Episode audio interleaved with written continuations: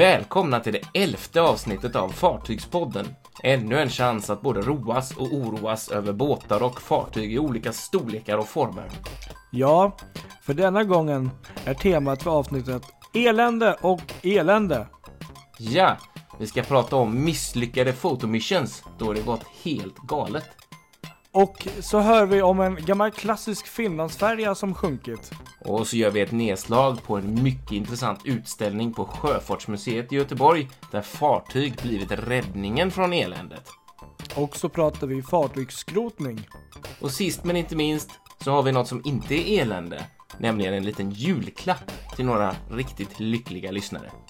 Välkommen ombord!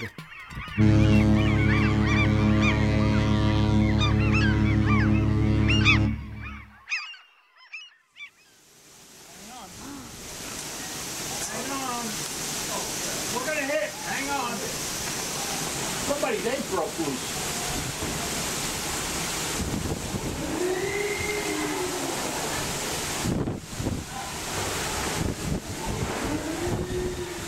Somebody screwed up. We hit. We hit. Jeez. Holy shit. Ja, det här är ju...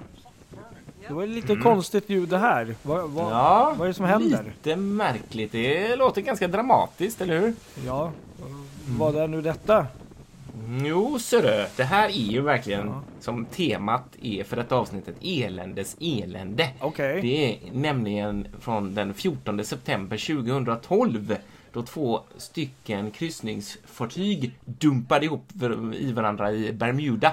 Eh, Norwegian Star och eh, eh, Explorer of the Seas, Royal Caribbeans Explorer of the Seas. Eh, de låg förtöjda där i eh, Bermuda. Men så kom det en jättekraftig storm som gjorde med massa regn och jättestarka vindbyar som gjorde att eh, Norwegian Star slet sig Jaha eh, och eh, gled allt närmare och närmare Explorer of the Seas då. Och då blev det såklart många passagerare då som stod och filmade detta. Eh, så ett antal sådana videos från båda båtarna ligger uppe på Youtube. Som, det blir ju ofta så när det är olyckor med kryssningsfartyg. Folk, och, folk tar ju fram sina telefoner och filmar. Så blir det mycket sådana här klipp som hamnar på nätet. Ja. Jo, men, Men det gick bra, inga skadade. Utan eh, och båtarna fick väl kanske en och annan skråma men inte mer än så. De lyckades Nej. knyta fast den igen där. Så att, Ja. eh, de, de seglade samma dag iväg igen och så kom till, till nästa hamn i tid och sådär. Så att, så kan det gå. Ja, verkligen. Det är stora fartyg, mycket luft, eh, vinduppfång i de där. Så att det, Det är det. Ja, Verkligen nej, inte det- med. finns en del videos ute på tuben att se. Ja. Ja, eländes elände är temat. eh, Ja. Jag tänkte vi börjar som vanligt här, ros och ris. Jaha. Eh, har vi något ris? Kanske vi ska börja med? Eh, ja. Jag vet inte, har vi det? Du, eh, ja, du har ju Är det någon skrivit... som har sågat oss? Eh, ja, jag, ja, ja. Jag vet inte. Nej. Nej, Kanske inte. nu. Nej, jag tror faktiskt inte det. Det är Nej. inte något som kommer upp sådär nu. Nej. Däremot, en annan grej. Ja. Eh. Vi har blivit märkta. Va? Hur Har du då? sett det? Vi har Märkta? blivit märkta Okej. på iTunes. Nej! Ja. Jaha. Vi har fått ett, för den som är lite observant så kan man se ett litet, litet rött E eh, vid alla avsnitt eh, på iTunes. Oj då. Och det betyder nämligen någonting. Ja. Eh, Det är en speciell märkning, märkning som är satt bara för att uppmärksamma eh, lyssnarna och konsumenterna om att ett visst innehåll kan vara olämpligt för barn. Ja, Okej, fartyg... Jag börjar bli lite orolig här. Eh, Ja, alright. Någon har alltså lyssnat på Fartygspodden och tyckt att vi har ett lite olämpligt språk ibland kanske. Kan det vara så? Jag vet inte. Eh, Okej. Eh, Svär vi mycket i podden? Det tycker jag nog faktiskt inte. Det har kanske kommit Nej. någon svordom någon gång. Någon gång men, då och då. Ja. men inte något som jag skulle nog känna är...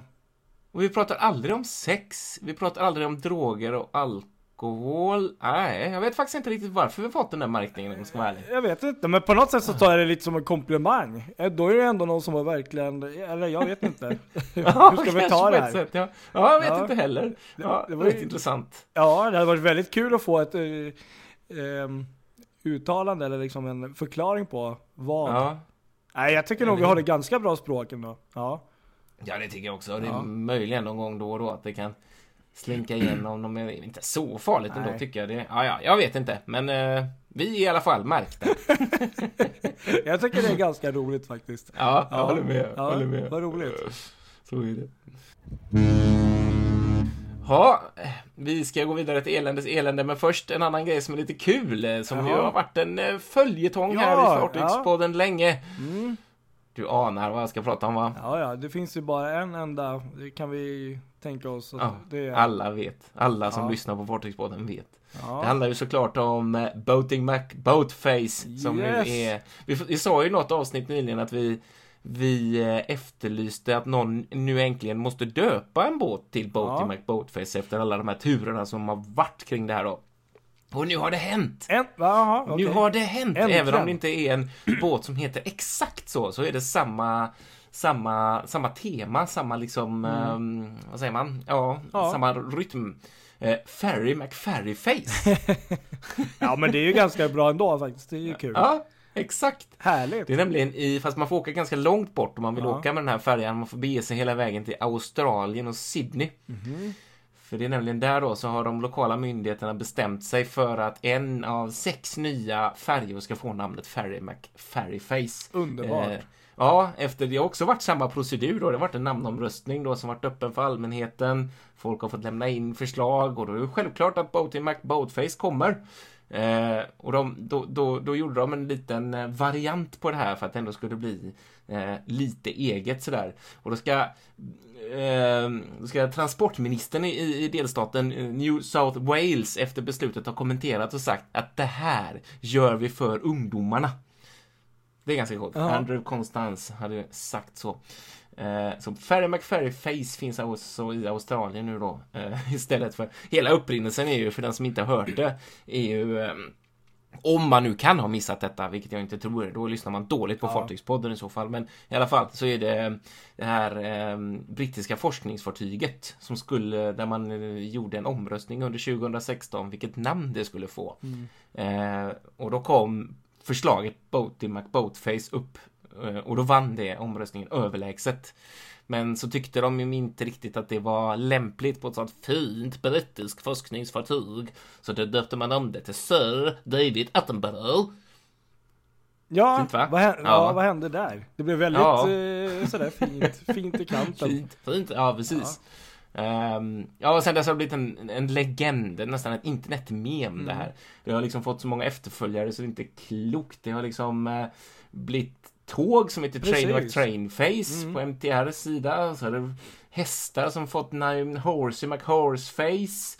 Uh, ja, du vet. Mm. Hur? Helt galet. Så att, men nu har vi i alla fall en Ferry McFerryface också i Australien. Det gläds Ja, det är riktigt roligt att det äntligen får lite kraft. Ja.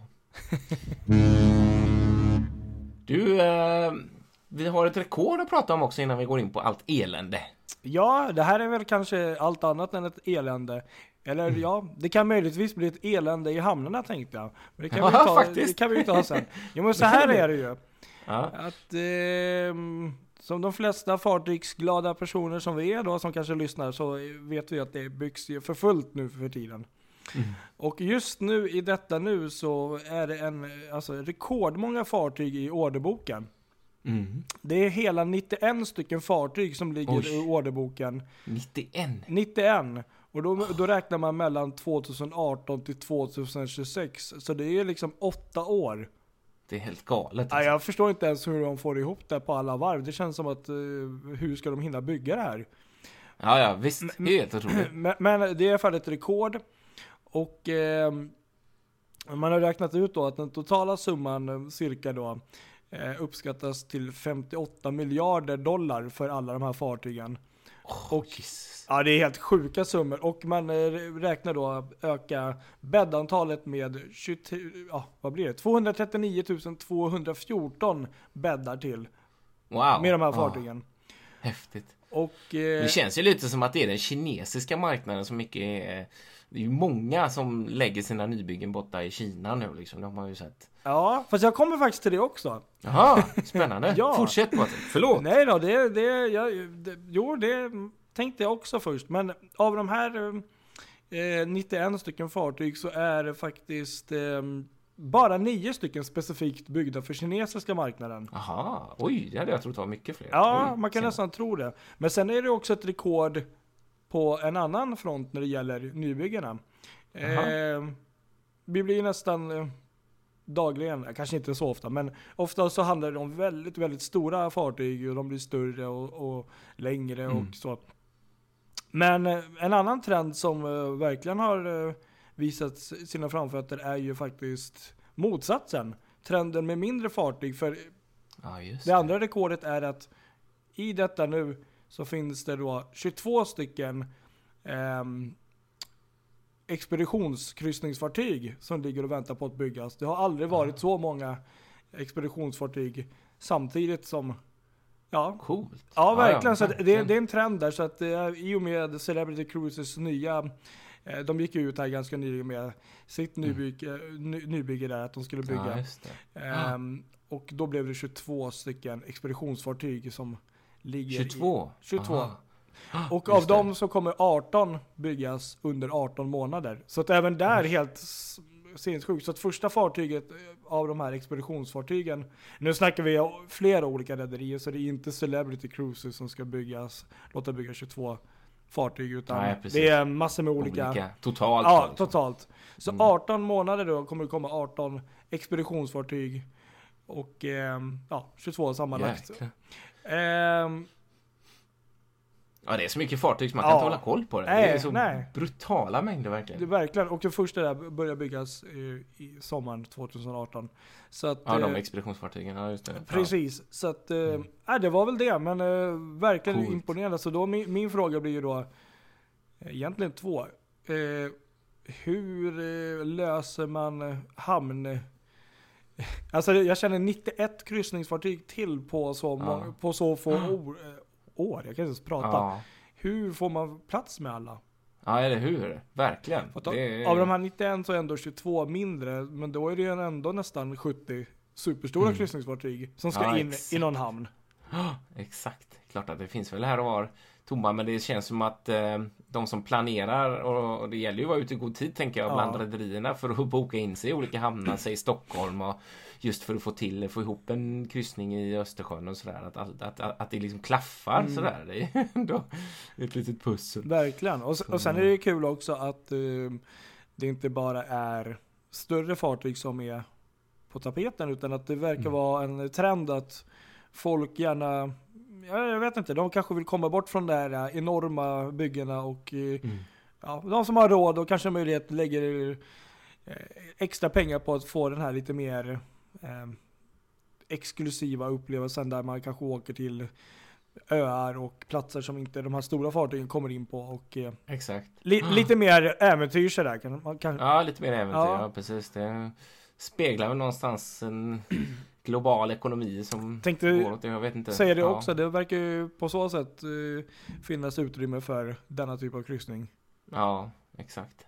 Ja, spännande. Ja, ja. Spännande utveckling i alla fall. Det, Det, det, det, är många nya klart. fartyg att se fram emot. Eh, tio det är år. Så att eh, Fartygspodden kommer ju utan tvekan finnas kvar i Exakt. åtta år. Ja, med tanke på detta enorma utbud så har vi ju in, kan vi inte fly. Det går inte. Och eh, så kan jag tillägga också att, nu minns jag inte antalet, men att eh, 2019 är tydligen Mm.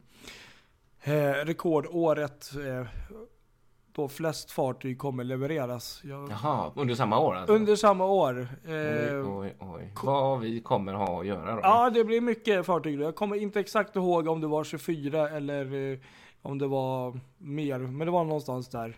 Gisses. Ja, fräckt. Ja, det är det. Ja. Riktigt kul.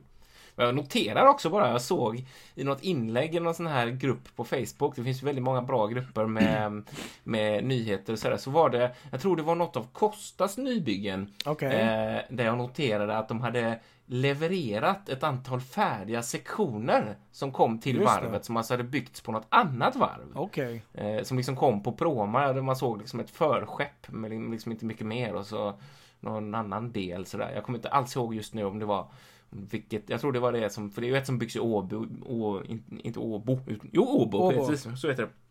Eh, jag tror inte det var det, utan det var någon, något av de som byggs på de andra Okej, varven. ja. Eh, men det, jag tänker, det är intressant att se att varven tydligen på något sätt samarbetar. De specialiserar det. sig för att liksom hinna med de här beställningarna på så kort tid som möjligt.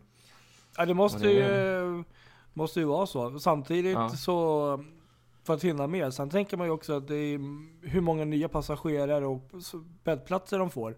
Men Mm. så tänker jag också att jäklar vad mycket arbetstillfällen det här skapar också. Både på varven och inte minst för dem till sjöss. För tänk nu Exakt. att varje fartyg av de större har ju en eh, en, ja, 1000, 1500, ibland 2000 i besättningen. Så det är ju Ja, väldigt Mm. mycket nytt jobb som skapas. Ja, det är det ju. Jag menar, de båtarna fanns ju inte ens innan, så det Nej. blir ju, blir ju nya jobb liksom. Ja. Så att det... Sen vet, Ja, det är coolt. sen vet inte jag i och för sig hur många fartyg som kommer att skrotas inom 10 år. Men jag antar att de, det är ju Det är betydligt, sant i och för det är sig. ju betydligt färre tror jag ändå än 90. Ja, inte så många som 91. Nej. Det känns ju inte riktigt så. Det, inte så stora i alla fall. Nej, På precis. det sättet. Så, Ja, intressant. Ja, intressant. Intressant. Mm. Verkligen, verkligen. Ja, vi rullar väl vidare här då och går in egentligen på vårt tema för dagen. Eh, eländes elände. Ja, Eh, jag tänkte vi skulle börja eh, med det som ligger vår, oss ganska varmt om hjärtat. Fotografering av Precis. fartyg. Och ofta har man ju väldigt många härliga minnen när du och jag har varit ute tillsammans. Man sitter i någon av våra båtar, det är alldeles lugnt. Det är perfekt, det kommer ett stort fartyg. Och det blir bara sådär bra så man bara, man bara älskar det. Mm. Men det är inte riktigt så att det blir så varje gång, eller hur? nej, nej, inte riktigt. Nej, inte riktigt. Jag tänkte jag kan börja med att dra en historia eh, om när det inte riktigt blev som jag hade tänkt mig. Eh, det var i Tyskland, i Warnemünde, finns det en stad som heter utanför Rostock, där det kommer väldigt mycket kryssningsfartyg. Mm. Eh, just denna dag var en väldigt speciell dag. Eh, det var någonting som kallas för Warnemünde Woche. Det är en eh, speciell seglingstävling och mitt i sommaren var det i juli. Eh, det är jättemycket folk och alla älskar ju båtar och fartyg i den här lilla, lilla staden, även kryssningsfartygen. Så varje gång det är avgång så kommer det jättemycket folk och tittar och sådär för att se när kryssarna går då längs med de här små stränderna. Och just den här dagen var väldigt speciell. Det var eh, nämligen eh, Costa Favelosa som skulle lämna den 8 juli. Eh, som, eftersom hon, eller rättare sagt Costa gjorde sitt hundrade anlöp Ja, okej, i ja. Warnemünde. Häftigt. Och det vill man ju fira då Ja. genom att verkligen slå på stora trumman. Eh, och det var inte bara sådär att det var eh, lite tutande sådär som det kan vara utan det var ju verkligen, de hade satt upp högtalare längs med hela strandpromenaden för, att- spela eh, musik och liksom verkligen, man såg att det verkligen var en stor grej liksom den här avgången då. Eh, och jag var där på semester med min familj och eh, mina två barn som det var då. Nu har jag tre. Ja. och Grattis! tack, så det kan gå. Ja, i alla fall så, så eh, var vi där då någon halvtimme innan det var dags för avgång. Och så började det regna. Jaha. Det började regna något så in i helskotta. Det regnade något fruktansvärt alltså. Ja. Så, så det var ju ingen mening. Det gick ju inte att stå kvar. Nej. Alltså ha hela familjen där ståendes i ösregnet. Det liksom var inte aktuellt. Nej. Så att det var bara att lunka hem. Nej. Eh, fattar du besvikelsen? Ja, nej det där har jag nog missat. Jag har, jag nog missat. Otroligt besviken verkligen. Sådär, så jag gick hem och var så sur liksom och grinig. Men det, det gick ju inte att stå där liksom med regnet. Det förstod ju jag med. Ja. Men i alla fall så, så för grejen var den att när vi kom hem eh, så till där vi bodde då så tittade jag på ESen och såg att det hände ingenting med båten. Den rörde sig liksom inte. Den låg kvar. Okej. Och den låg säkert kvar en timme sådär. Ja. Så plötsligt så fick jag ändå för mig att nej, jag, för jag såg att det var någon boxerbåt som gick ner eller någonting. Jag tänkte att jag, jag springer ner, jag springer allt vad jag har. Jag lubbar som en gris. Det var säkert, det var säkert en kilometer. Eh, och jag sprang dit och jag hann precis när eh, fartyget gick då. Så jag fick några bilder i alla fall. Men det blev ändå, jag kan inte säga att det var någon större njutning efter den löpningen. Nej just det. Du. Men Så- eh, jaha, så kan det gå. Blev det bra bilder då tänkte jag säga. Jag, jag minns ju. Ja, jag, synd att säga, jag, ska vara helt ärlig så här. Vad är det? Ja, det är ju rätt länge sedan, ett och ett halvt år sedan, så kommer jag knappt ihåg bilderna. Jag minns just bara den där löpningen, hur jag sprang och just då ändå en lycka över att jag faktiskt lyckades få några bilder. Och, men det, det som var det tråkiga var ju att eftersom det hade regnat så jäkligt Mm. och var så blött så kom den här folkfesten av sig. Ja. De, de spelar den här, eh, så här klassiska italienska balladen som alltid spelas. eh, Time to say goodbye. Ja, Time to Ja, say. Mm. goodbye var det nog. Och lite andra sådana här musik. Så det var ju verkligen, det var inte så mycket folk ute som det brukar vara. Nej. Trots att det var högtalare hela vägen så. För att det, ja så det blev lite så halvmisslyckat. Men eh, ja, ja, så Ja, kan det gå. ja jäklar. Ja. Ja. Fast det lät ju ändå lite som att du halv lyckades i alla fall. Ja, halvlyckat. Halvlyckat. Ja. Det var ju inte så att jag liksom kom fram och insåg att jag hade glömt minneskortet eller något sånt där. Nej. För det, det har ju också hänt liksom Ja. att man kommer ut och så Aj, aj, aj, den tabben. Men sånt där vill man bara glömma så fort som möjligt. Ja, faktiskt. Jag, jag, Ja, vad har hänt dig då? oj. Nej, det har nog inte hänt så mycket. Eh, jo, det, det har det väl gjort. Eh, ja, en direkt där som jag kom på när du tog upp det här att vi kunde prata om. Det var ju eh, en morgon när jag skulle åka ut. Det här är också ett par år sedan. Man lär sig ju oftast efter sina misstag, inte alltid. Men Inte alltid. eh, då, då är det så här morgonturen då. Man ska ut och fota och det är alltid lite planering som är allt. Man ska eh, ja, kolla batteri och så att allt är med och man ska traska ner. Jag bor ganska nära eh, kanalen där jag har min båt så att det är inte så farligt. Man traskar ner dit och du vet, eh, lossa båten, puttrar ut. Det, det är ändå liksom en, en bit eh, ut till farleden även om man inte tror det alltid. Men det- Ja, vad tar det egentligen? 25 minuter? Något sånt? 25, ja om man kör, Beroende på hur man kör såklart. såklart om man kör lagligt så vill, låt säga 25-30 minuter. Mm. Ehm, och där eh, sitter jag och är väldigt glad. Jag skulle gå på fartygsvisning också. Det här var på ett av Costas fartyg. Jag kommer inte ihåg om det Aha. var eh, Luminosa eller om det var mm, systerfartyget där. Men eh, du vet, glad. En Fartygsvisning på G. Men Mm. eh, då ska jag nog fota henne när fartyget är på väg in. Solen skiner, allt är perfekt och eh, ja, jag, jag kommer liksom ut där på havet eller det här lite större sundet och börja gasa och så tänkte jag nu ska jag ta en bild här. Ja. Så tar, tar fram kameran och eh, du vet, zoomar in då som man så fint gör. Eh, Ja. Och eh, knäpper av och eh, då kommer det plötsligt upp en text i, i själva displayen som säger No card. Nej, du gjorde den grejen Och alltså. jag tänkte Åh, bara, gud. men vad i... Ja nu tänkte jag säga någonting, men vi är ju redan ja, eh, Just det, märkta. tänka på det. Barn. Men, Peter men där. så jag tänkte, eh, okej, eh, shit, men jag har säkert kortet i min väska här. Eh, du Mm. vet, eh, livsfarligt, Ja. försöker köra samtidigt som man kollar väskan. Ja. Eh, nej, inget kort där. Inget Så kort kortet låg antagligen tror jag i, i kortläsaren i datorn. Så att Gud, jag ja, bara, Mm. ja okej. Det var nog tur att jag skulle gå på fartygsvisning den dagen så jag ändå hade något så att jag vände om. Eh, han faktiskt åka hem, duscha och sen tog jag tåget in och kom precis till, eh, eh, vad ska jag säga, eh, Londonviadukten. Eh, Just det, det minns jag nu när, du säger det fartyget eh, här. gled in. För jag tror faktiskt Ja. att... Eh, Costa Luminosa var det Ja, då faktiskt. du- Vi skulle på visning där. För det. jag minns att jag stod Mm. precis, jag undrar om inte jag hade kommit Jo. från Göteborg på det morgonen hade du där. gjort, kom jag på. Och jag tog bilder på henne från Ja. just fåfängan där uppe. Och då ja. kommer du med andan i halsen. Ja. Jag bara, nej men hej. Ja, nej men precis. Jag lyckades få till det. Så det blev ju en väldigt bra dag till slut ändå. Jag tror vi fotade henne på eftermiddagen där. Men eh, det är väl nog... Du hade minneskort med, ko- minneskortet med dig på visningen va? Det hade jag. Och sen har jag en annan historia faktiskt som eh, utspelar sig i sommarstugan. Vi har en udde där. Och då var Ja. det ett av eh, eh, Princess Cruises fartyg. Det här är egentligen kanske... mm, Alltså det blev ju faktiskt ganska bra till slut. Då var det också så här, jag fotade fartyg. Den här gången hade jag minneskortet. Och så fotar ut mot Ålands hav, de kommer in där. Ja. Alla fartygen på rad, riktigt snyggt och stora grejen den här morgonen var just att fota ett av eh, Princess Cruises fartyg. Och Ja. eh, den närmar sig och så blinkar det ju till och så plötsligt så bara inga batterier kvar. Nej! Och det var just det så. fartyget och jag tänkte men vad sjutton det här är ju inte sant. Det är ju det här fartyget jag ska fota.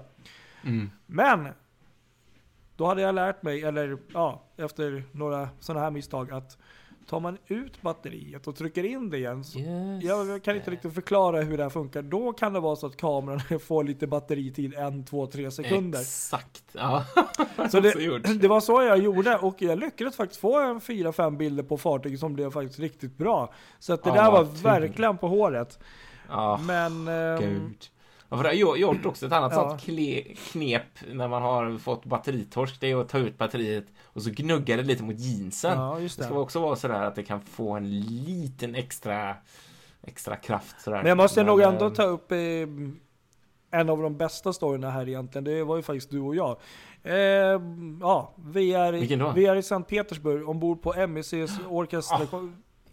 Tänk, kryssningen. jag har förträngt detta. Ja. Det här har det jag här är förträngt. helt underbart. Vi, Det här är det mest episka fallet av alla ja, det är ju faktiskt tänkbara. riktigt bra. Vi står Ja, på gud. Ah. soldäck, eh, har just anlänt till Sankt Petersburg. Båda är så här jätte, du vet så här, åh spännande. Det bara rycker i Ja. när jag bara tänker på det. Vi står där på, jag tror det var akterdäck och kollar in mot Ja, stan var och det. fotade. Och Ja. Jag tror vi även stod och fotade något av Royal Caribbeans fartyg som höll på Ja, jag tror det var Jewel of the Sea som låg precis bakom oss. Jag har för mig att hon backade in Ja. eller något sånt där också. Och av någon eh, konstig anledning så kom vi in på det här med eh, oj, tänk om kameran går sönder eller om typ eh, att chatten pajar. Precis, det har varit min skräck länge Ja. just att sluta Sluta den rasa. här, för jag har just det. läst mycket om det att Canons eller kameror ofta visst håller ett visst antal exponeringar. Mm. Och då kände jag lite att min kamera kanske börjar bli lite uppåt åren, höll på att säga. Så att det kan ju hända. Ja. Jag för mig vi pratade om det just i den Ja stunden. men det var just det vi gjorde och sen fem Mm. minuter senare så jag tror det var första gången jag hörde dig alltså förbannad. Vi hade ändå känt Ja, varandra tre, fyra år då. Ja. Ehm, och då hände det som inte får hända. Alltså Nej. den lägger ju av. Alltså ja. slutaren Det lägger var av. helt sjukt den känslan. Slutaren lägger av, kameran helt död. Och det här var typ Halvvägs på resan. det var. Ja, halvvägs på resan eller någonting. Ja, precis. Vi, skulle, vi har kommit till Sankt Petersburg, hamnarnas hamn. Mm. Liksom. Och kameran bara dör. Och det är ganska jobbigt om man är väldigt fotonördig Ja. som vi är. Men vi, Vad hemskt det var. vi- Usch. vi löste det som, det så att, som så att jag fick ju ställa in min, min eh, utflykt där och eh, fick, nej det gjorde jag inte. Nej, jag, jag gick inte ens av fartyget, men det är en annan historia. Nej, det minns Men- jag. Det är en annan historia. vi körde- ja, jag fick låna din kamera då och Jajamensan. då, vet jag. Och sen gjorde vi Ja, ju så hela fint. resan att in och ut med, eh, med, din, med ditt minneskort sådär. Så att eh, jag tog bilder, Ja. sen slängde du in ditt kort. Och så, det är viktigt vet, att det är ens egna bilder. Så att, man, Ja, det gjorde det. Så att vi löste det så, men det gick ju Ja. ganska bra ändå tror jag. Ja, det gjorde det. Men det där var ju roligt. Det var ju verkligen inte på den, den tiden när man hade mobiltelefoner som kunde leverera några bra bilder. Det var ändå Nej. ganska många år sedan. Där. Vad kan det vara? Ja, det är nog sju, inte så mycket som 10, 7, 8 år sedan. Ja. Ja. Något sånt där. Ja. Eh, Jag vet att jag hade med mig en liten filmkamera i alla fall. Det hade du ja. Också. Ja, så den, och den kunde ta stillbilder men det blev ju inte jättebra. Men den vet jag att jag använde lite grann Ja. sådär. Men det, det är ju inte samma sak som en eh, systemkamera Nej. på det sättet. Men det var, ah, det var bittert. Ja. Det var riktigt, riktigt bittert. Jag tror att det, ja, det tog tid för mig att komma över det kan jag säga. Ja, jo det var, det var lång rehabilitering på den. Kul att du tog upp det. Ja, jo men den är ju klockren. Den, eh, Ja. den måste vi... Men att det händer just under en resa, det är så jävla typiskt. Det är precis som att det är samma logik som att smörgåsen alltid trillar ner med smöret ner i golvet. Ja. Liksom. Men att det hände just efter att vi just tagit upp det som ett tänkbart, Ja, Dilemma. och bara det. Ja. Ja. gud. Man ska aldrig jinxa saker, Nej. det är fruktansvärt. aldrig mer att vi Usch. tar upp en Nej. sån grej. Nej, aldrig mer. Den, den måste vara med om vi skriver en bok någon gång. Ja, precis, verkligen. Boken om Patrik och Kristoffer. Ja. Vi rullar vidare tänker jag här i podden. Vi ska faktiskt gå på eh, utställning på ett museum tänkte Jaha, okej, spännande. jag. Eh, Ja, det är ju nämligen så här att fartyg, vi snackar ju ofta om fartyg här i podden som eh, roar, alltså kryssningsfartyg, är ju väldigt åt det hållet. Mm. Roar människor och människor eh, roar sig ombord och ja, det är underhållning. Och ibland så pratar vi om fartyg som transport, både av människor och då främst som färjor och Mm. ibland av eh, plåtpassagerare, till exempel containrar och sådär. Men nu tänkte jag vi skulle prata om fartyg som något helt annat, eh, nämligen som en livlina. Aha en chans att börja på något nytt. En chans att lämna. En chans att fly. Okej. Eh, det är nämligen så att det pågår just nu en utställning i Göteborg då på Sjöfartsmuseet. Eh, som heter eh, Min flykt över havet. Eh, och det handlar ju helt enkelt om flykt. Eh, människor har flytt hela tiden, eh, i, alla tider egentligen, för att söka sig ett bättre liv. Eh, från fattigdom, från krig, förföljelse, vad det än må vara. Och i den här utställningen då så kan man lyssna på personer som berättar om sina erfarenheter att fly med fartyg över havet helt enkelt. Från andra världskriget ända fram till idag.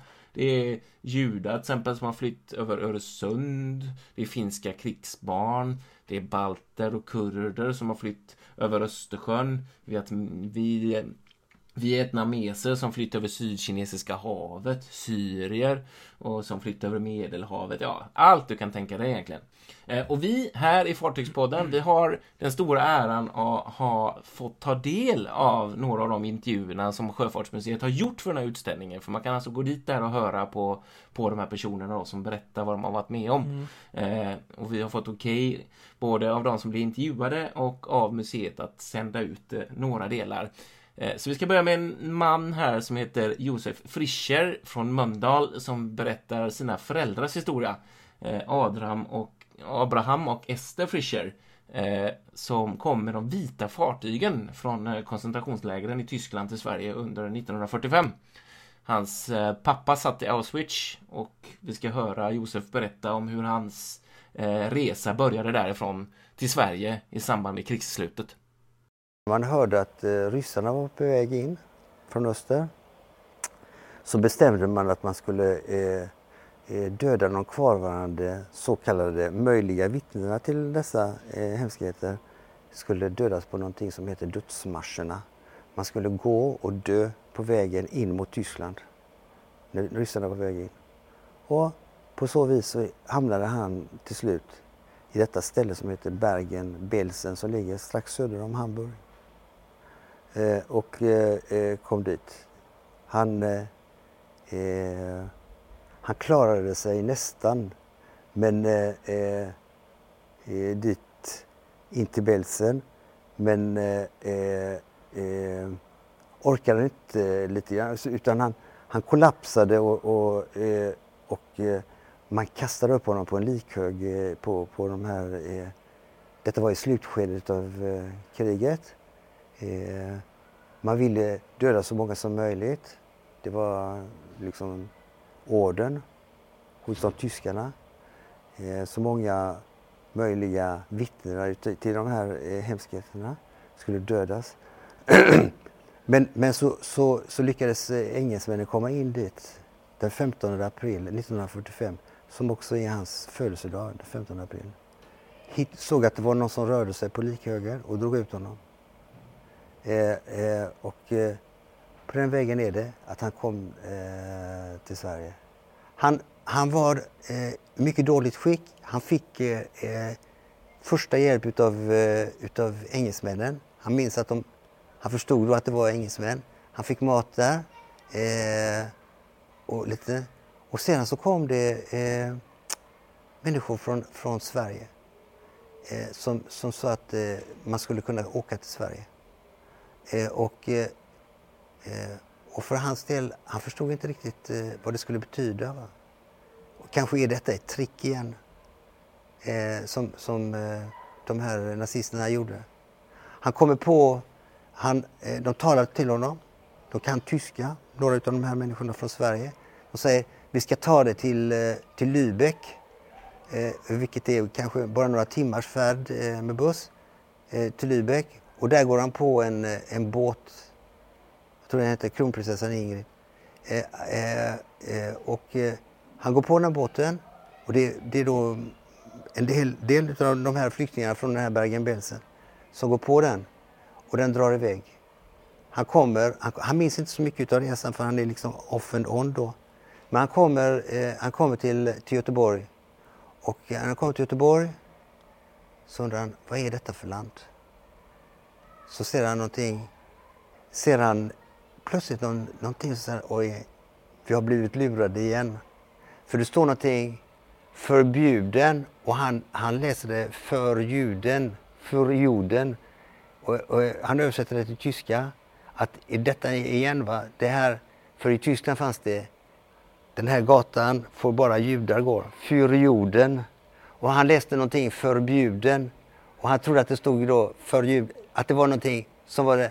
Okej, okay, vi har blivit lurade igen. Det här är också någon slags eh, rasistiskt. Och, eh, eh, eh, och, eh, och, eh, och, eh, men det var det inte, utan så, så fick han då översatt då att det betydde förbjuden va? och inte för. Inte för juden, utan förbjuden. Ja, det går ju inte att förstå hur fruktansvärt det här måste ha varit. Eh, att inte kunna lita på någon på det sättet när man kommer fram till ett nytt land liksom. Nej, det är eh, hemskt. Ja, fy alltså så vidrigt alltså. Så otroligt viktigt att sånt här tas upp också så att vi får höra de här hemska berättelserna. Verkligen. Och inte glömma det som har hänt. Och ta lärdom Nej. också av det framförallt. Exakt. Det behöver vi göra i alla ja. tider tror jag. Eh, det, det är ju väldigt intressant det som han nämner här eh, just om fartyget Kronprinsessan Ingrid. Okay. Eh, som var ett av de så kallade vita fartygen. Och, alltså, de flesta känner ju till, väldigt många känner till de vita bussarna då som under ledning av Folke Bernadotte hämtade 20 000 lägerfångar från Tyskland till Sverige. Men det är inte riktigt lika många som känner till de vita fartygen. Det var fem stycken fartyg som lämnade Trelleborg på midsommarafton 1945 och som gick mot Lübeck. Eh, under två månader där så transporterade de eh, närmare 10 000 fångar, eh, de här fartygen då, eh, mellan, mellan eh, Sverige och Tyskland. Eh, och de var, det var, de fem fartygen hette MS Karskär, Rönnskär och så var det lasarettfartyget HMS Prins Karl, passagerarfartyget SS Kastellholmen och så då kronprinsessan Ingrid. Eh, och de hade allihopa blivit ombyggda på rekordtid för att eh, klara det här uppdraget då som var, eh, kom från högsta instans då att Sverige skulle hjälpa till med vad man kunde göra då så hade man fått loss de här fartygen då. Och de fick bland annat minskydd och sådana här grejer. Det finns en väldigt intressant bok om de här fartygen som vi verkligen kan rekommendera skriven av Terje W. Fred. Vita fartyg med röda kors heter den. Okej. Okay. Rekommenderas ja, för den som är intresserad. Det låter riktigt spännande faktiskt. Ja, verkligen, verkligen. Men eh, som sagt, utställningen här på Sjöfartsmuseet, den är mer än bara andra världskriget. Mycket handlar också om situationen på Medelhavet idag. Och som besökare så kan man både höra intervjuer med, med människor som har gjort den här fruktansvärda resan över havet i, i fartyg som, jag vet inte, man kan väl inte kalla det fartyg egentligen. Ibland är det gamla fiskebåtar som det är så mycket människor på så man kan inte begripa liksom att ens får plats. Och, ja, det är fruktansvärt. Och gummiflottar och ja, vedervärdiga förhållanden. Ja, ja, verkligen. Och på den här utställningen då ska man höra eh, Johanna Wemminger från eh, Kustbevakningen som har varit med i myndighetens uppdrag på Medelhavet. Sverige har ju varit där, eh, eller Kustbevakningen har rättare sagt varit där ett par tillfällen Eh, hon var med under Operation Triton, bland annat 2015. Eh, och vi ska få höra henne berätta lite grann om sina upplevelser. Eh, operation Triton var den först, det första utlandsuppdraget som regeringen gav till Kustbevakningen och mm, då åkte man ner med ett av våra största kombinationsfartyg, KBV 001. Och jag jobbade framförallt på däck eh, men även med avrapportering och så under det uppdraget. Eh, det, som, det som slog mig och som var så stort var ju hur, hur långa avstånden är. Medelhavet är enormt stort eh, och hur otroligt mycket folk det är. Vårt allra första räddningsuppdrag var på midsommarafton som jag var med på då.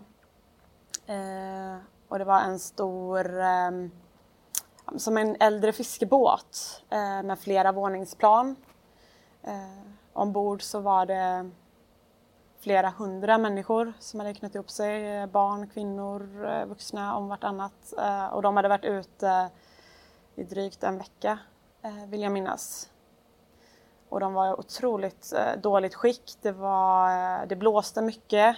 det var en jätte, jättesvår räddningsoperation. Vi fick försöka förtöja den här ganska höga båten jäm, ja, längs sidan på vårt fartyg eh, med hjälp av eh, ja, med hjälp av fendrar och lite tampar som vi fick eh, hålla koll på och sen fick vi eh, bära över varje person så vi fick lyfta över dem uppifrån taket på den här fiskebåten så fick vi eh, ta emot dem och lyfta över dem eh, på vårt fartyg. Eh, och den där känslan när man stod där med ett barn i famnen och försökte mellan liksom vårt fartyg och deras eh, knappt flytande gamla fiskebåt. Eh, ja, det, det kommer jag bära med mig. Ja, vi tog ombord dem eh, och sen eh, eh fick de uppge varifrån de, de kom. Ehm, de fick eh, som ett åkband egentligen för att vi skulle eh, ha koll på hur många, hur många vi hade ombord för det behöver vi rapportera in till Frontex. Eh, de fick mat, de fick vatten ehm, och vi gjorde även en skyddsvisitation för deras och vår egen säkerhet då, så att de inte hade några vapen eller annat. Men under hela missionen så var det ingen som hade några vapen med sig som vi träffade på. Ofta har man, när man väl har tagit ombord dem så har man ofta eh, ett par dygn upp till anvisad hamn och då är det så att i ett Frontex-uppdrag eh, så har man ett värdland, i det här fallet då Italien. Um, och I och med att det är så långa sträckor nerifrån till exempel Libyen, det kan ta ett par dygn för oss att gå upp i, i full fart, så får man en eh, mottagningshamn. Uh, det kan vara på Sicilien och det kan vara i Italien. Och där eh, blir det en mottagningskommitté helt enkelt med mm, ja, frivilligorganisationer, UNHCR, Röda Korset och även italienska myndigheter då, som tar emot och slussar dem vidare in i själva eh, ja, asylsystemet eller vad man ska säga. Eh, men när man väl hade ombord alla då fick vi skriva en, en rapport till Frontex och sen fick vi en anvisad hamn dit vi skulle gå eh, för att lämna i land migranterna då.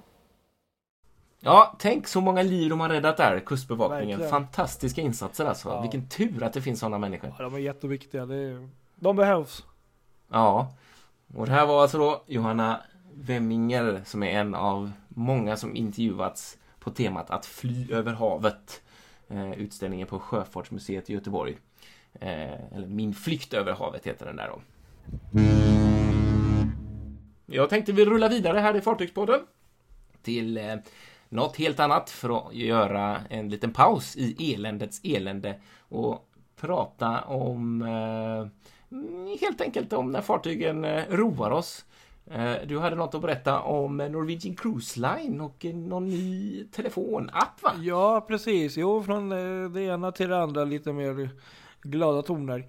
Ehm, ja, precis. Det här är väl egentligen ingenting jättenytt i sig, för det har ju funnits i olika former. Men Norwegian Cruise Line har nu gått ut med att nästa år så kommer då en ny mobilapp, en, den nya generationen. Eh, och ehm, den här appen då som de har, eh, den ska ju då underlätta för dig som eh, resenär. Och det här är då lite liknande tema som vi haft förut då, att du- ska ju då kunna innan resan eh, boka och eh, planera din resa så som du vill. Det ska ju vara kunden som är då i fokus, att du ska kunna påverka din resa så mycket som Ja. möjligt på det sättet du vill Ja. ha det. det. Eh, och vad jag förstår så kanske det inte riktigt har varit så tidigare då på fartyget eller deras app. Så det här då ska vara något nytt. Eh. Du kan till exempel be- beställa, boka landutflykter, eh, boka mm, middag på vissa restauranger och eh, köpa dryckespaket och sånt där. Eh, Ja. Innan du ens har gått ombord. Och det brukar ju oftast vara lite billigare och eh, smart att göra det innan man har gått ombord. Innan, eh, ja, de går väl åt. Ehm, Ja. Sen eh, kan det ju också alltid vara så att ibland kanske man inte ens vet om man vill ha de där paketen innan. Så att det där är väl lite upp till var och en då. Kan väl ja, känna. just det. Ehm, Sådär. Men, men oftast om man är riktigt sådär, vet att man tar ett par drinkar extra eller att man gillar eh, gott vin och kanske gillar att dricka vin till mycket mat. Då kanske det är bra att ha ett dryckespaket inräknat. Ja. Ehm, ja, förutom det då så ska man då kunna använda den här um, appen som um, um, ja, alltså ha connection med eh, dina medresenärer, familj, vänner. Eh, Då kopplar man in sig på fartygets wifi och sen så kan man då skriva till varandra där och nå varandra och det kan ju vara bra nu när fartygen är stora. Eh, en annan fördel Ja, verkligen. Ja, precis. Så man försvinner i labyrinterna. Ja, men man gör ju det. Eh, och inte minst så är det väl väldigt bra också, tycker jag, att eh, i och med att man har en app eller en telefon så kan ju då fartyget eh, alltid nå det. Alltså är det någon uppdatering som sker, att det kanske är um, tidändring till anlöp eller avgång eller Ja. någonting som händer ombord så kan du ju blixtsnabbt där och då liksom få den informationen. Ja. Ehm, Kommer den ut via en papperslapp eller ett eh, program så är det ju inte alltid man kanske läser den direkt. Ehm, så det tycker jag i och för sig är bra. Så att, ja, egentligen, det var väl ingenting kanske världsnytt mer än teknologiskt där. Det finns ju liknande på andra fartyg och rederier med klockor och eh, medaljonger och sånt. Men för Norwegian verkar det här vara ändå, Cruise Lines var nytt och ja, det, ja, det, det är en ny generation. Och eh, just nu så verkar det här då finnas enbart på Norwegian Sky. Men man säger då att den här appen och de här nya eh, funktionerna då kommer att vara till, tillgängliga på de här nya fartygen då. Bland annat Norwegian Bliss som kommer sommaren 2018.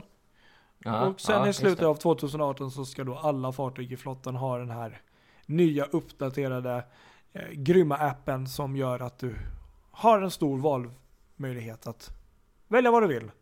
Ja, ja, ja, ja, just det, just det. Coolt, coolt. Vilka grejer alltså. Ja, jo men det, är som sagt inte helt eh, världsnytt kanske. Men, och vi har snackat lite om det här tidigare. Men, men eh, det är alltid kul att eh, eh, göra det möjligt att kunna ja, se vad som händer. Mm. Ja, ja, ja, ja, visst. Precis. Exakt. Ja, vi går väl vidare här i Fartygspodden. Nytt ämne. Eh, denna gång lite mer på temat eländes elände. Ja, varför inte? Vi fortsätter. Ja, varför inte? eh, jag tänkte prata skrotning. Ja. Eh, fartyg eh, kommer ju trots allt, även om vi väl lägger mycket, mycket kärlek och mycket värde i dem eh, många gånger och ser dem nästan som eh, att de har ett eget liv likt vi oss människor så kommer de till en dag då de måste eh, skrotas. Och eh, ett problem som vi har i, eh, i, i den här eh, moderna tiden, på säga, är att eh, många fartyg skrotas under ganska bedrövliga förhållanden. Mm. Eh, bland annat i Indien. Ja. Och eh, där är arbetarna då som jobbar med det här är ju, har ju inte alls samma verktyg och, och möjligheter att eh, jobba på, på dem under de eh, lagar och regler som gäller här i Europa till exempel. Eh, och de jobbar ju till otroligt låga löner vilket såklart blir eh, billigt för eh, rederierna att kunna skrota då i, i, eh, de länderna. Mm. Mycket billigare där man inte behöver betala lika mycket pengar såklart. Eh, Och det här har varit på tapeten nu i eh, november här. Eh, Det är eftersom Dagens Nyheter kom med ett avslöjande här nyligen som blev ganska så omskrivet eh, kring eh, ACL, Atlantic Container Line och eh, deras två fartyg Atlantic Cartier och Atlantic Conveyor som skrotats i indiska Alang. Eh, där även eh, tre, ytterligare tre systrar har skrotats tidigare. Eh, de här två då eh, skrotades i strid mot EUs regler om att fartyg som befinner sig i EU eh, ska skrotas på anläggningar som godkänns av EU också. Och så skedde inte i det här fallet utan man valde att kringgå reglerna och köra fartygen till eh, hamnar långt utanför Europa då och eh, sälja dem på lite ol- olika sätt sådär, och, och då skrota dem i Indien för att det såklart det är billigare. Eh, Det här utreds just nu av både svenska och tyska myndigheter och det- det har liksom kommenterats ända upp på regeringsnivå i Sverige. Jaha, oj då. Och det här ja. kan man ju läsa om hur mycket som helst i medier om, om man vill. Eh, så det behöver vi inte Mm. prata om hela, i detta hela avsnittet. Men det som, det som är intressant och som det här sätter fingret på Mm. är just det här med skrotningarna. Och eh, det stora problemet som det här ändå är. Alltså 80% av alla världens fartyg skrotas i Indien, Kina, Bangladesh och Pakistan. Och just under ganska vidriga förhållanden där liksom människor Mm. far illa och det är ett system liksom där eh, ja, som bygger på liksom att, att, eh, att, att, eh, att människor jobbar på det här sättet liksom. Och, eh, och så kan vi inte ha det 2017, 2018. Eh, EU har ju jobbat med den här frågan många år. Sedan 2013 eh, kom en, eh, en Ship Recycling Regulation, SSR, SRR som den kallas. Men trots det så finns det fortfarande inga eh, Alltså det finns det funkar ju inte uppenbart. Alltså jag menar, är du ett rederi, det går ju inte att skrota ett sånt stort fartyg i Europa idag om man tänker rent ekonomiskt. Det finns ingen möjlighet att du eh, väljer det alternativet med tanke på de höga kostnaderna. Så man förstår ju rederierna. Det är ju ingen snack om den saken. Ekonomin, eh, plånboken styr ju hela tiden. Så är det ju. Eh, men eh, i alla fall det här SSR då eh, är ju förhoppningen då att det ska det ska börja gälla så småningom då. Eh, problemet är att man inte har lyckats fastställa eller ja, bygga upp en lista med godkända eh, varv eller godkända skrotvarv inom EU ännu eh, som kan ta hand om då eh, den här typen av fartyg. Okej. Eh, oavsett vilket då, det, det arbetet pågår med att ta fram en sån lista men samtidigt då så finns det ett nytt förslag nu då som EU-kommissionen presenterats eh, om att det ska inrättas en speciell skrotfond eh, där, eh, där då kostnaden då eh, man räknar helt enkelt med att eh, det kostar 34% mer att skrota ett fartyg i Europa Oj. jämfört med vad det kostar i de här låglöneländerna då. Eh, och då är tanken med Okej, den här ja. fonden att de, de 34 procenten ska fonden kunna finansiera. Eh, och, och tanken är då att det ska byggas upp genom eh, avgifter. Att så fort ett fartyg anlöper en hamn så läggs den här skrotavgiften på. Eh, Ship Recycling Licens kallas det då. Eh, så att man får betala en liten summa. Eh, såklart kommer det bli ett väldigt avancerat system eftersom eh, antagligen olika fartyg och olika storlekar kommer betala olika mycket beroende på hur mycket last man lossar och, och allt sånt där. De här pengarna samlas in och då sen när rederiet bestämmer sig för att det är dags att skrota ett fartyg inom Europa så betalas de tillbaks igen. Då får man tillbaks det här. Eh, nästan som skatteåterbäring ungefär. Okej. Ja. Ehm, och ehm, då tror man ju då att det här systemet skulle kunna dra in 150 miljoner euro per år under de första 15 åren eh, och samla in en rejäl summa pengar eh, och att det då skulle ta 20 år innan det verkligen är, får genomslag på marknaden att det blir an, någonting som alla använder sig av. Så det skulle alltså ta 20 år då från om man startar idag till att man blir av med det här problemet då. Okej, ja. Och den här skrotningslistan då med varv som, eh, där det finns eh, kapacitet att ta hand om stora fartyg. Det, det är ju inte jättemånga varv den som kan ta de här jättebåtarna. Eh, det finns ett i, i eh, Gent i Belgien som kan ta upp till 265 meter. Eh, sen är det ju många varv som tar så här upp till 200 meter kanske och något mer men inte så mycket mer. Eh, men det finns ett varv i Holland som klarar av att ta fartyg upp till eh, 405 meter. Eh, och då, då, då pratar vi ju så stora fartyg så att Mm. det är knappt, ja de kan nog ta det flesta liksom så. Eh, så ja, vi får hoppas att, att EU faktiskt kan få, få ordning på de här reglerna så att vi slipper se de här hemska eh, förhållandena borta i Indien.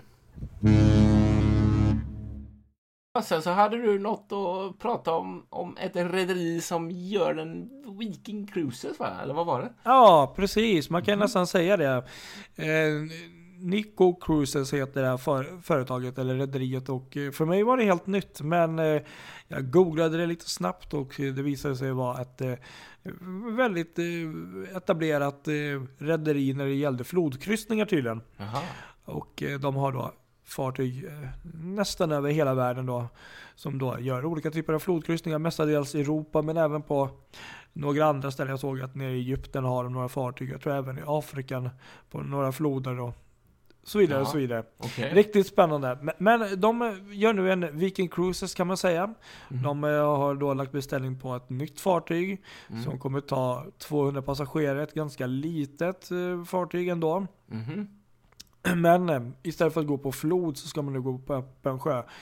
Det är det som är själva ehm, ja, jämförelsen eller det. liknelsen. Ja, ja, För. Viking Cruises Precis. var ju också från början ehm, ett bolag som enbart körde flodkryssningar. Exakt. Ehm, ja, det här rederiet då kommer ju då um, åka ja, här, runt om i hela världen då, vad jag Aha, förstår, det här tufft. fartyget. Eh, bland annat eh, kommer man då göra en sån omplaceringskryssning ehm, från Europa till Sydamerika. Ehm, och sen för att eh, kryssa 2018-2019 i Antarktis Oj, oj, oj, coolt. på sin, jag vet inte hur man uttalar det, Quark Expedition. Ehm, Ja, ja. och därefter så kommer man då göra massor med kryssningar eh, och tillbaka till eh, Europa, bland annat runt om i Europa och även Baltikum vad jag förstår eh, till eh, sommaren 2019. Jaha. Oj. Så, så, så jag är nästan eh, säker på att vi kommer få se den här fartyget Ja, det lär man ju inte missa Stockholm World då. Explorer Ja, i juli. Eller i, ju- någonstans där. någonstans där. Ja, det är Ja, lite kul. Rolig grej. Ja, spännande. Ja, jag tänkte vi skulle fortsätta prata eländes elände. Eh, Ja. Känner du till en gammal Finlandsfärja som heter Velamo?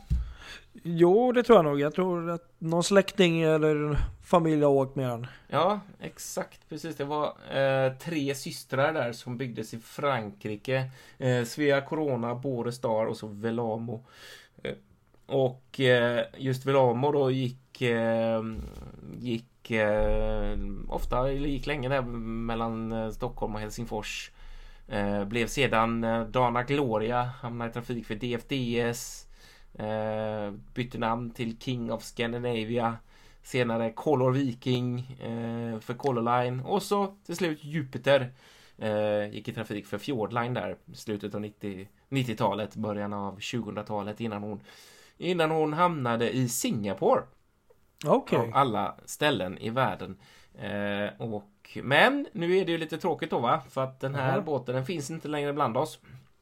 Nej. Nej, så hemskt är det faktiskt. Eh, Det var i, eh, nu i november, i mitten av november så eh, slet sig fartyget från en hamn i Vietnam. De skulle gå på kryssningar från Vietnam. Men så slet sig fartyget från hamnen i hårt väder och sjönk. Oj. Faktiskt, det finns faktiskt videos på det här på, på ehm, Youtube. Vi kan lägga upp ett klipp där så småningom. Men eh, dramatiskt också på så sätt för att det här innebär att ah, inget av de här tre, de här tre systrarna finns längre kvar. De andra två är upphuggna och den här har sjunkit då. Oj. Vilket, Ja. vilket öde. Ja, verkligen ett öde sådär. Och det är lite sådär, många, det är faktiskt olycksdrabbade systrar. De har varit med om en hel del. De här, eh, exempelvis eh, Svea Corona där sjönk under sitt namn Sundancer i, eh, under, eh, när den var på, eh, eh, i Vancouver. Eh, så så eh, fick den ett eh, stort hål Eh, när, när den gick in till eh, hamn där i Vancouver, eh, eller mm, i Alaska var det faktiskt, så eh, gick den på ett undervattensrev och slet, in, slet upp ett jättehål, vilket gjorde att det tog in vatten. Och så sattes fartyget på grund och fartyget började luta så mycket åt styrbord att hela maskinrummet fylldes med vatten. Men de lyckades på något sätt täta och ändå ta henne ett varv för reparering, reparation. Ehm, Så hon överlevde det där. Men, eh, men eh, ja, så kan det gå. Så kan det gå. Det finns i alla fall ingen av dessa tre fartyg längre ibland oss. Utplånade från denna jord. Ja, faktiskt. Ja, det är hemskt. Det är det. Ett fartyg som eh, påbörjat sitt liv ganska nyligen är dock MSC Meraviglia, eller hur? Ja, det måste vi nog ändå säga. Det har varit mycket MEC nu som många kanske har märkt och eh, vi, nej, vi är inte sponsrade vill jag bara säga. Men, men ehm, med ett rederi som har så mycket nybyggen och så mycket nytt som händer så är det ju ganska dumt att inte ta upp det tycker vi. Så att, Eller hur? Det ja, händer ju hur mycket som helst kring dem. Be, be lite om ursäkt om det har varit lite mycket, men samtidigt så att ja, det finns en viss anledning och Mm. eh, why not? Why not? Yes. Ja, Marividja där ja, det kommer ni kanske ihåg. Eh, deras eh, nya fartyg som eh, hade premiär här i början av sommaren. Mm. De har ju nu Seaside som nu i veckan eh, också blev klar som ett ännu nyare fartyg i en Ja, helt annan klass. Men eh, nu har då MEC gått ut med att den 7 oktober 2019 kommer Marividja göra tre stycken eh, kryssningar Jaha. från New York. Jag bara Coolt. rätta mig själv här att den 7 oktober så anlöper hon, förlåt, Ah, första ja. gången New York Ja. efter en 17 dagars kryssning över Atlanten Fräckt. med start Kiel. Ja, Jaha. den där kryssningen hade man inte Den tackat nej till. inte tacka nej till. Nej, Tänk dig precis. 17 dagar på detta otroligt stora fartyg och sen glida in där till eh, Frihetsgudinnan då. Nej, helt otroligt. Men hur som helst, hon kommer göra då premiärlöp 7 oktober 2019, New York. Wow. Och eh, tanken är då att hon ska göra då tre stycken kryssningar från New York innan hon då går ner till Miami för att påbörja sin säsong där. Jaha. Och eh, verkligen. Eh, ja, jag skulle inte tacka nej till någon av de där kryssningarna. Nej, verkligen inte. Eh. De två första kryssningarna hon gör då är eh, två 10 nätters kryssningar. Eh, då man då går upp eh, längs med Kanadas kust och besöker bland annat städer som Sydney, Nova, Scotia, Corner Brook, jaha, Newfoundland och så vidare och så vidare. Och det här är då tydligen under en tid då hösten står i blom och du vet massor med färger Ja, och eh, läckert. vackert sådär. Så att eh, det blir upp mot Kanadas kust där. Eh, några riktigt fina besök, tio dagar vardera. Eh, sen tredje, sista kryssningen hon gör så går man inte upp dit utan då drar man faktiskt istället ner mot ehm, mot Karibien och, och det är en Mm. 13 dagars kryssning då som man gör som då slutligen avslutas i Miami. Just Så det är lite liksom två helt olika teman på de här kryssningarna. New York till Miami med båt helt enkelt. Det låter Ja. inte fel. Eller New York upp längs med Kanadas jättefina mm, städer där. Ja. Upplev hösten. Eh, och det som är lite coolt också är ju att eh, när hon går och kommer ner till Miami så kommer hon ju inte direkt vara ensam utan då har ju faktiskt MSC Cruises lagt tre av sina största, nyaste och eh, innovativa fartygsklasser där. Då har vi Meridian, vi har också ett fartyg ehm, Divina Mm. och så har vi också då Seaside som är där. Så det är Jävlar, liksom deras bilder det kan bli där. då. Ja, verkligen. Så det är de tre största klasserna i rederiet som är där Ja. under samma tid. Coolt. Så att, eh, ja, jag tyckte ändå det var lite häftigt att eh, New York, det är alltid häftigt. Ja, det är det. Verkligen. ja, jag tänkte vi ska väl avsluta här då. Eh, Men innan det, det lackar ju mot jul, eller hur? Det gör det verkligen. Snart Ja. är det jul. Verkligen. Alla härliga lyssnare som hängt i under hela programmet ända hit, ni, ni förtjänar ju något, eller hur? Det tycker jag verkligen. I alla fall några av er. De Ja. som är snabbast på Ja, kan få, kommer att få en liten julklapp av oss. precis. Mm. Vad är det vi har att erbjuda? Det är ju då ett samarbete med ett eh, rederi som kör gods. Just det, Så att eh, vi ska ju skicka er någonstans. som boskap. Ja, Ja. Nej, okej. det. Skärpning här nu. Oj, oj, oj. Ja. Nej, men nu är det så här att vi har ju nämligen tre stycken eh, fria kryssningar till Helsingfors att Ja. eh, skicka ut. Och då är det då presentkort eh, på fri kryssning eh, i A-hytt. Mm. Och ehm, de här gäller då bara tyvärr till den 22 december 2017 så det är inte Mm. jättelång tid så vi vill gärna bli av med de här för att varken någon av oss kan åka så vi tänkte att hallå, det kanske finns någon där ute som istället skulle vilja ta de här och Exakt. Ha Lyssnar man på. Fartygspodden då, då, då, då, är, då gillar man ju åka båt. Så det är klart att man Absolut. ska åka på kryssning. Ja, exakt. Och så vill jag bara tillägga att bokar ni via nätet så är det då inga tilläggsavgifter. Men bokar ni då via telefon eller något så är det då en serviceavgift per bokning som tillkommer. Så att Mm. boka gärna via nätet. Och som Men sagt, vi hade tre stycken va? Så Tre stycken har vi. Ja. A-hytt till Och Helsingfors. Principen försten till kvarn tycker jag. Det tycker jag också. Ja. Så att hur, hur ska de göra då? Hör av er till oss helt Ja. enkelt. Via Facebook är väl klockrent. Där, där, där går det ju, om man går in på Fartygspoddens eh, Facebook-sida så kan man skicka meddelande till oss. Och så skriver man där Jag vill ha den här biljetten på kryssningen med Silja. Då, Precis. Då, då, ja, då får ni dem. Och det här gäller då alla dagar till och med den 22 Mm. december.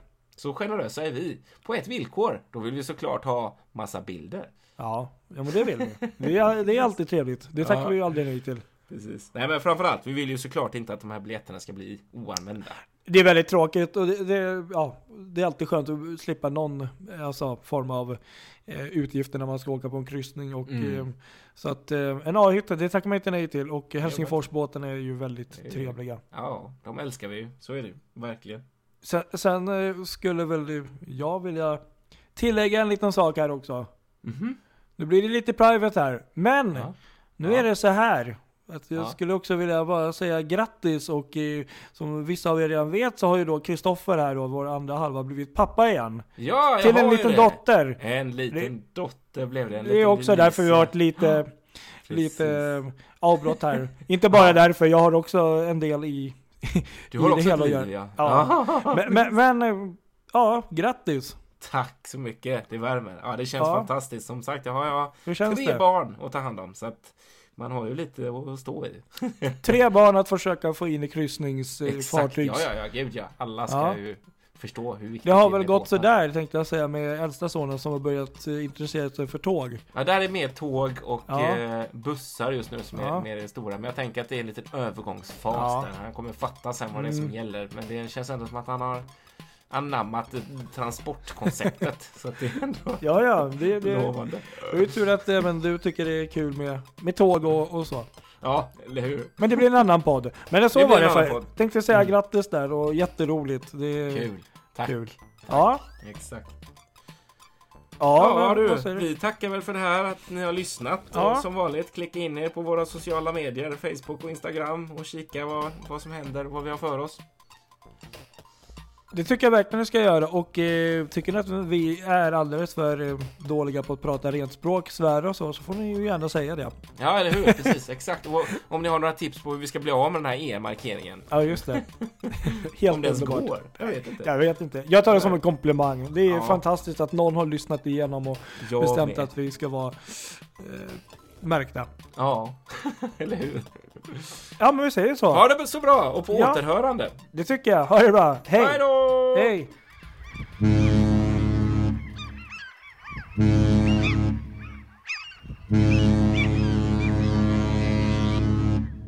Psst, psst. Glöm inte bort att följa oss på Facebook. Sök på Fartygspodden. Samma sak på Instagram. Det är där det händer.